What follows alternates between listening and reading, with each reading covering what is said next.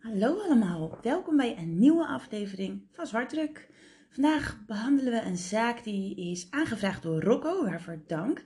En als ik je dan ook vertel dat het een zaak is die recent nog in het nieuws is geweest, dan weet je misschien al een klein beetje over welke het gaat. Het gaat over de Delphi Murders.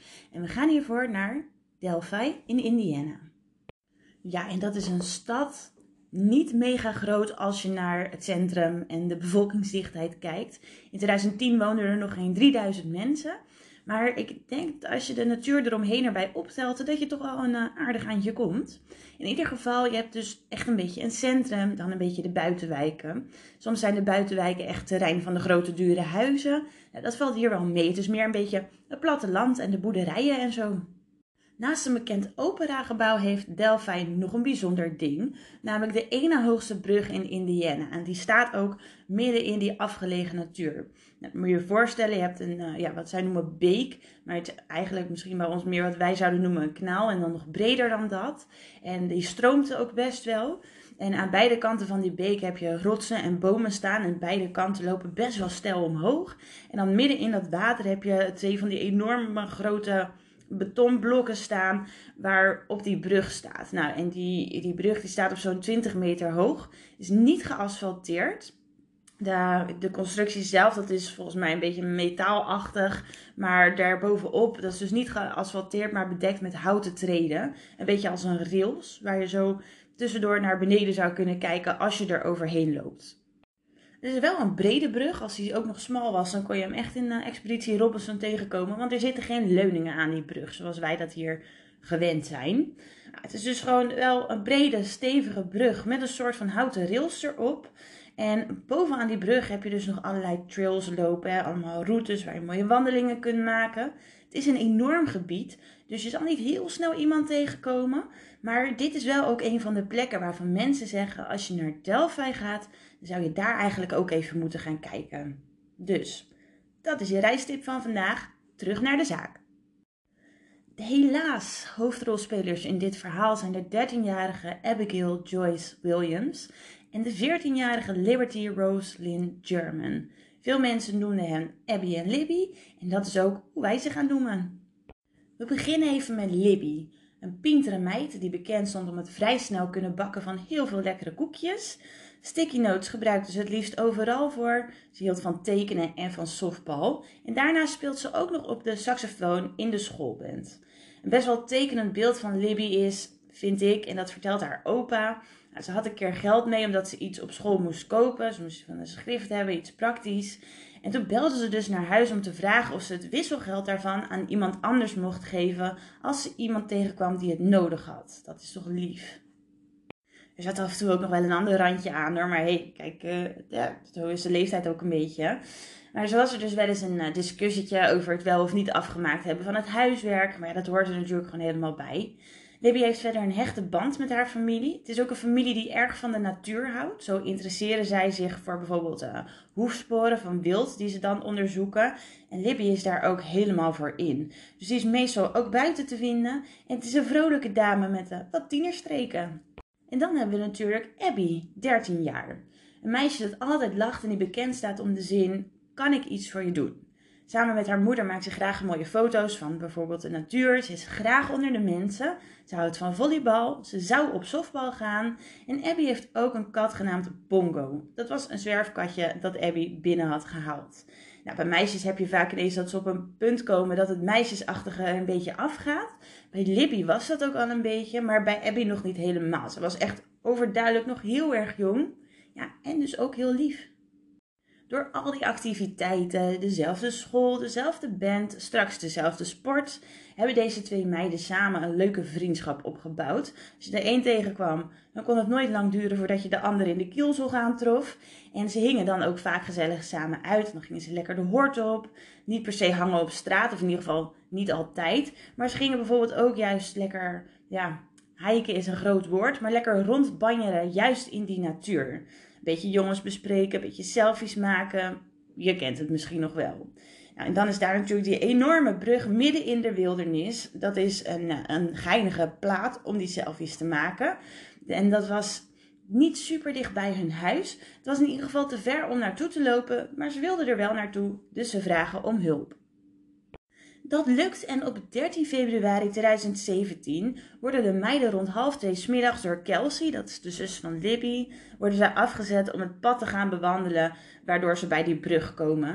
Het is trouwens niet helemaal duidelijk of dat ze voor de regio gingen of speciaal voor de brug, maar dat ze bij die brug waren, dat is wel duidelijk, want om 7 over 2 die middag zet Libby een foto van Abby die op die prachtige brug staat op Snapchat als de heenweg te ver is om te lopen, dan is de terugweg dat ook. Dus de meiden hadden vooraf al een afspraak gemaakt met de vader van Libby.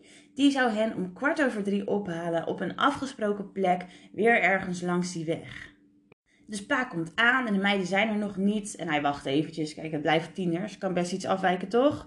Dus uh, ja, kwart over drie wordt half vier. En uh, dan wordt kwart voor vier. En dan vier uur. En dan gaan we al bijna richting de avond. En de meiden nemen niet op. En familie weet ook niet waar ze zijn. Die hebben ook niks gehoord. Dus vader besluit om alarm te slaan en om de familie in te schakelen om samen te zoeken. En dat gebeurt ook. Maar als de meiden om half zes nog steeds niet zijn gevonden en ook zelf nog niet terug zijn gekomen, ja, dan begint de nacht wel te komen. Het begint donker te worden. En dan besluiten ze ook echt om de meiden bij de politie als vermist aan te geven.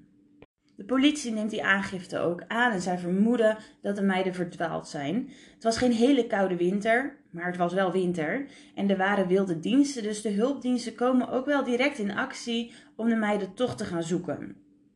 Dan wordt het 14 februari en door de dag heen begint de vermissing van de meiden steeds vaker op het nieuws te komen. En ook in de omgeving wordt bekend dat ze zoek zijn. Dus er komen steeds meer mensen om te helpen, burgers. Maar er worden bijvoorbeeld ook helikopters ingezet. Dus er wordt wel echt flink gezocht.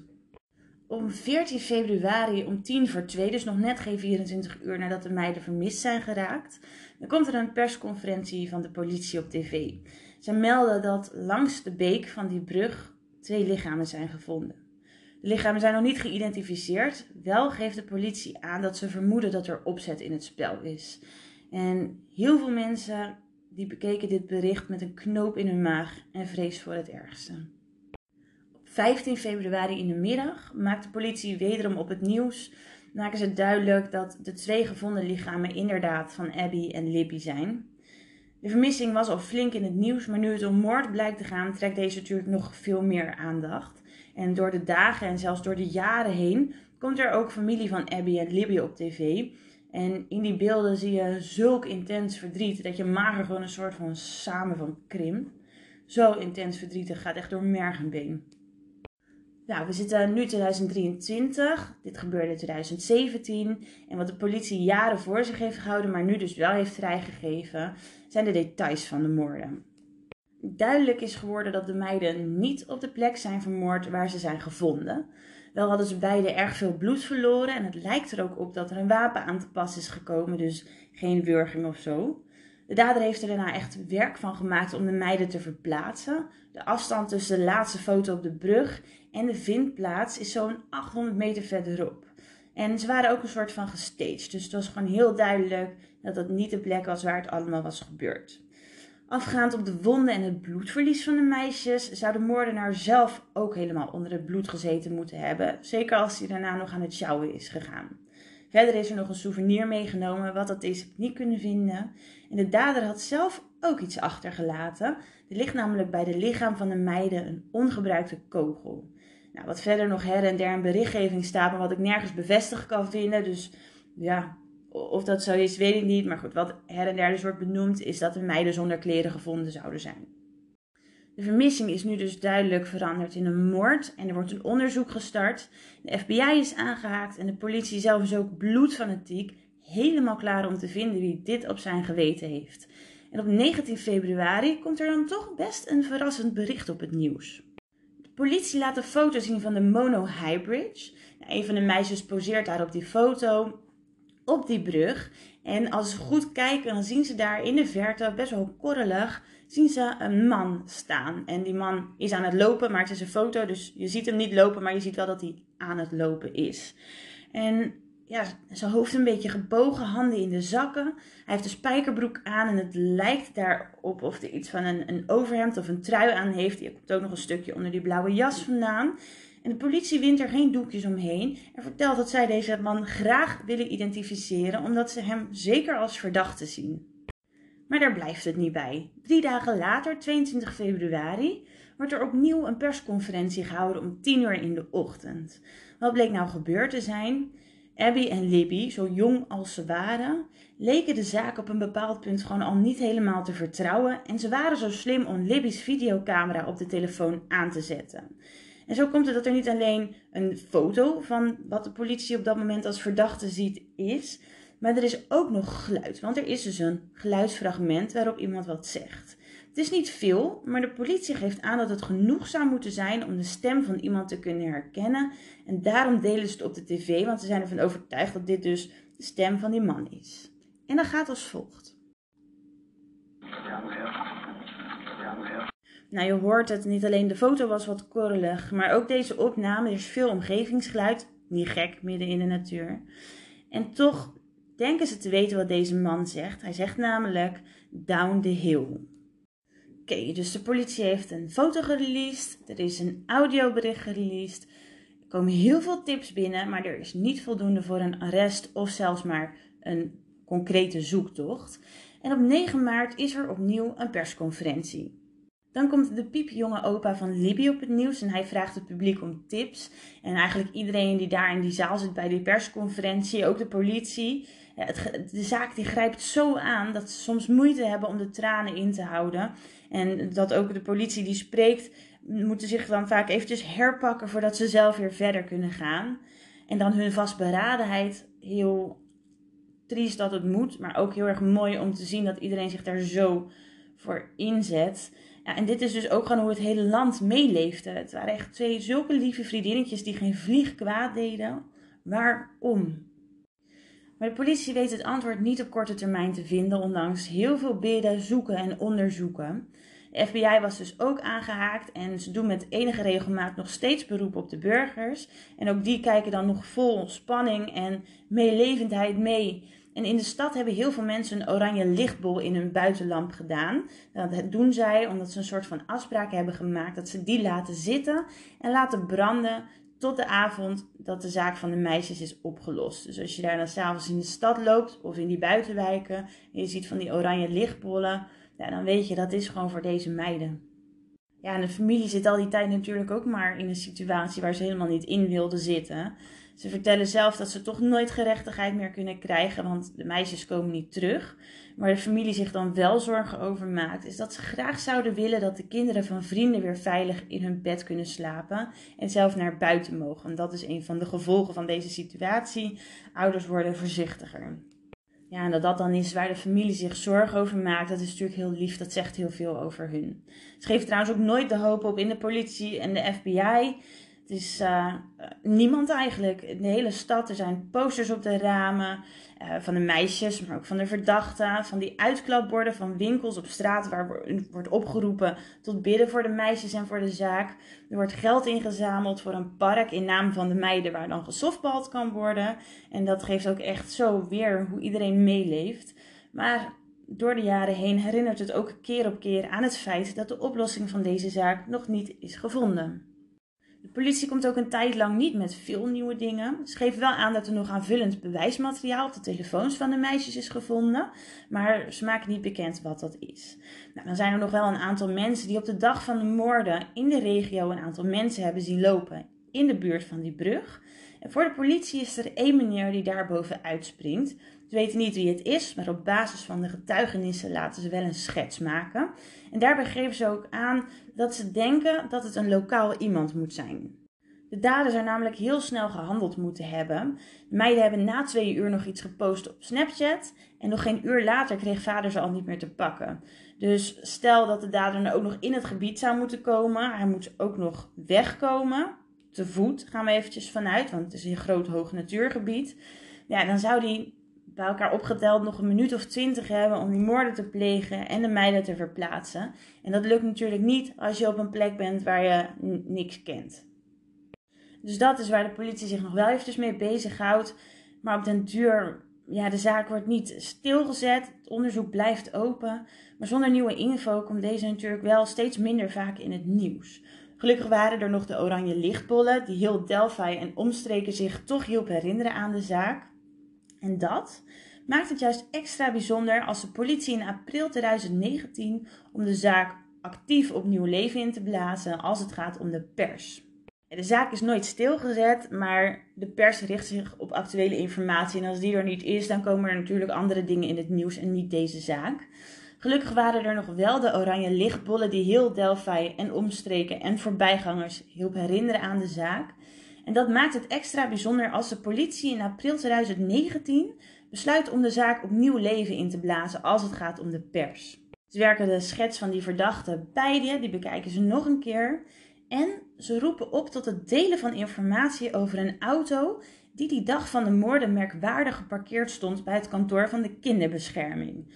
Ja, voor ons klinkt het totaal random, maar we gaan er maar eventjes van uit dat dit met de informatie die de politie heeft een logische oproep is.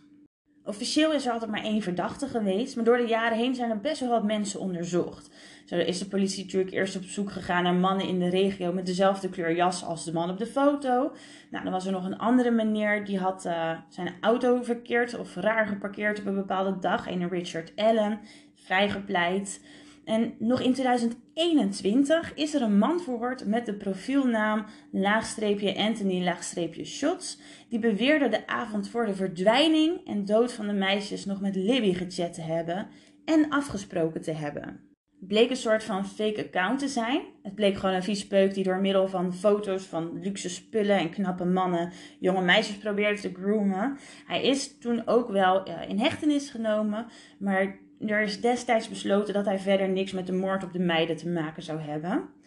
Totdat ik net nog heel eventjes ging kijken voor dat uh, fragment, voor dat geluidsfragment. Toen kwam ik namelijk het volgende tegen.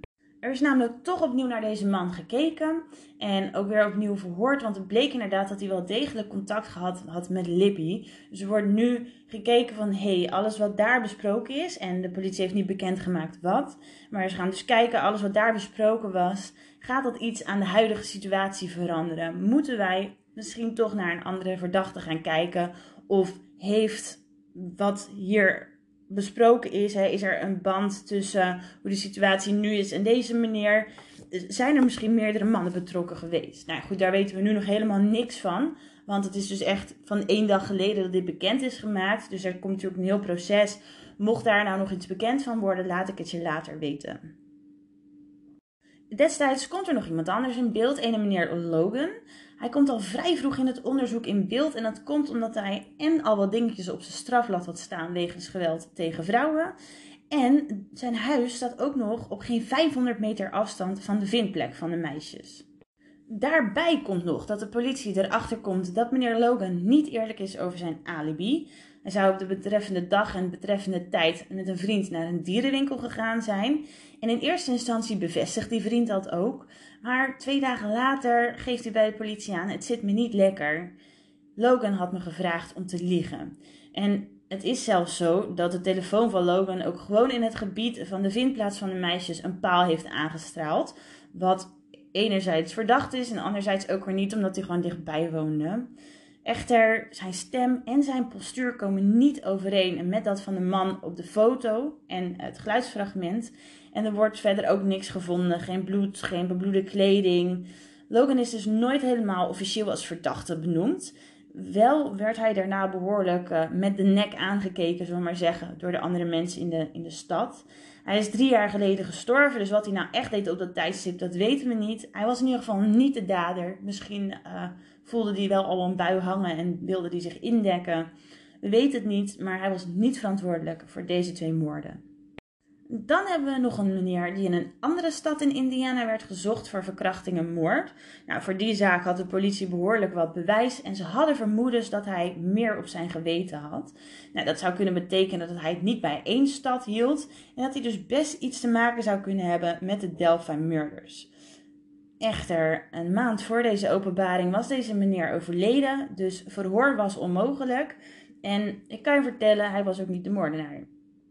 Dus we zijn hier, in 2017 zijn die moorden gepleegd. In 2019 besluit de politie om de zaak opnieuw in de spotlights van de pers te zetten.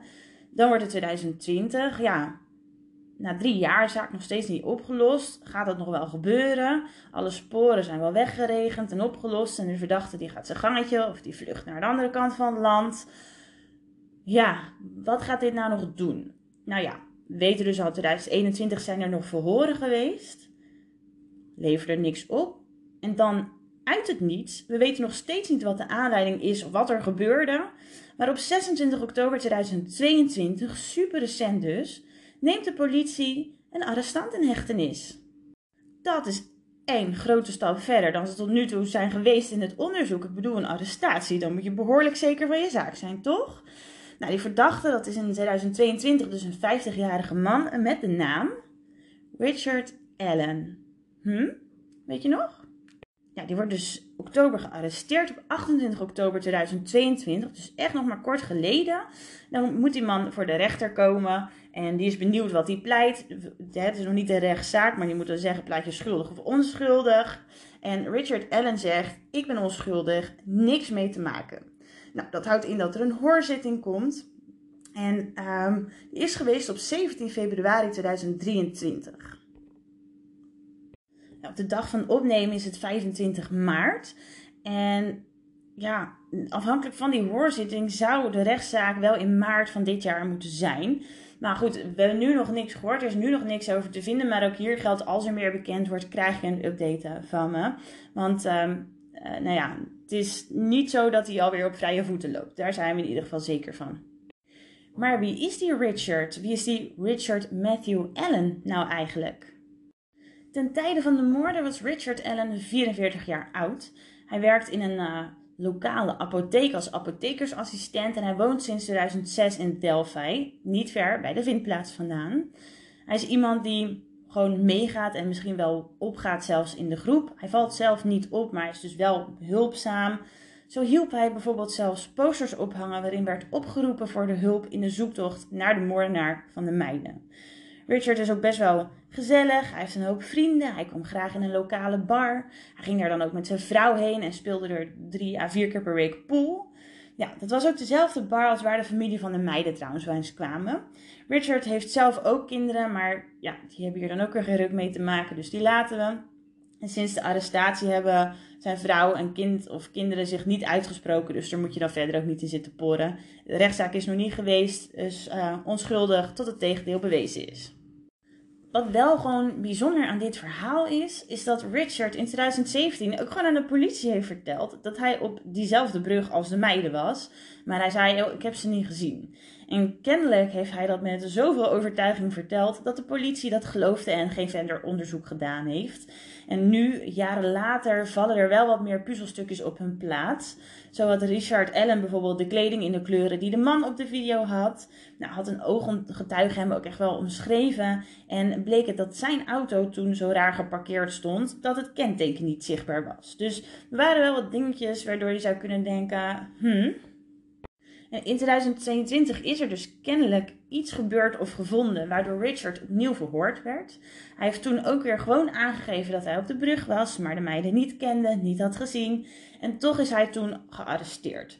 Nou, de zaak ligt nogal gevoelig, zeker ook met het spreekverbod. En überhaupt, de rechtszaak is nog niet geweest of nu bezig. Dus misschien dat er later nog meer naar voren komt. Maar we gaan ervan uit dat dat uh, nu hele goede redenen heeft dat dat niet zo is. Wat we wel weten is dat Richard niet eerder in aanraking is geweest met justitie. Hij heeft wel een pistool die matcht met de gevonden kogel. En hij had bij huiszoeking nog andere wapens in huis. Ja, nog even over dat spreekverbod. Ja, de zaak die had natuurlijk altijd al veel aandacht gekregen. Maar ook nu er waren nog steeds enorm veel oranje lichtbollen. De meiden waren absoluut niet vergeten. En deze zaak kreeg ook nu weer zoveel media-aandacht dat de rechter op 2 december 2022 een spreekverbod instelde. dat betekent dat geen van de betrokken partijen inhoudelijke informatie mag delen met derden. Enerzijds leek het er eventjes op dat dit komt omdat er misschien nog andere verdachten in het spel zijn. Dus misschien was er meer dan één dader betrokken. Dat is ook alweer interessant als je bedenkt aan wat er nu gebeurt. Gewoon echt een dag geleden uh, met dat Anthony Shots account. Dat is trouwens niet de naam van de man, maar alleen van het account. Uh, misschien zou het daar iets mee te maken kunnen hebben. Maar anderzijds lijkt het ook op het verzoek van de beschuldigde, dus van Richard Allen en zijn verdediging te zijn. Want als iets veel in het nieuws komt, ja, dan vind je nergens meer een onpartijdige jury. Dus nou ja, Richard en verdediging die doen nog eventjes hun best om de rechtszaak naar een andere plaats ver bij Delphi vandaan te krijgen. Wat we nu vandaag weten is dat de advocaten van Richard erg hun best hebben gedaan om hem op borgtocht vrij te krijgen. We weten dat er dus nog mogelijke andere verdachten worden onderzocht. En we weten dat er waarschijnlijk een rechtszaak aankomt, maar of die al bezig is of dat hij misschien is uitgesteld vanwege nieuwe informatie, dat weten we allemaal niet. Maar ik ga hem natuurlijk voor je in de gaten houden. En nogmaals, onschuldig tot het tegendeel bewezen is, dat is gewoon een ding, een belangrijk ding. En toch is het wel een opvallend plaatje met alles waar Richard aan blijkt te voldoen. Nou, mocht hij niet schuldig zijn, ben ik ook de eerste die daar een update over geeft. Voor nu heb ik goede hoop dat het hele verhaal uit hem getrokken wordt en dat als hij de dader is, hij ook de straf krijgt die hij verdient. Maar bovenal dat de familie van de meiden hier misschien een klein stukje mee kan afsluiten. Ook al klopt het natuurlijk wat ze zeiden, hè? gerechtigheid komt er natuurlijk niet meer. En zo blijkt maar weer dat hard werken, veel aandacht en hoop toch ook weer tot oplossingen kunnen leiden. Heftig hoor. Rocco, dankjewel voor de tip. De zaak is best bekend, maar met zo'n update juist nog interessanter en hoopgevend of zo op een rare manier. Ja, ik hou jullie op de hoogte. Er gaat ongetwijfeld nog nieuws komen. Alleen we weten niet hoe lang het duurt, omdat er gewoon, nou, het spreekverbod, gewoon niet alles is bekend. En dat is waarschijnlijk met een goede reden om zo die rechtszaak zo goed mogelijk te kunnen doen. En misschien nog wel uh, erachter te komen dat anderen betrokken zijn of niet. Nou, dankjewel in ieder geval. Heb je zelf nou ook een suggestie, een tip of een opmerking? Laat het me weten via het mailadres in de show notes. Voor nu dankjewel voor het luisteren en tot snel hè. Doeg!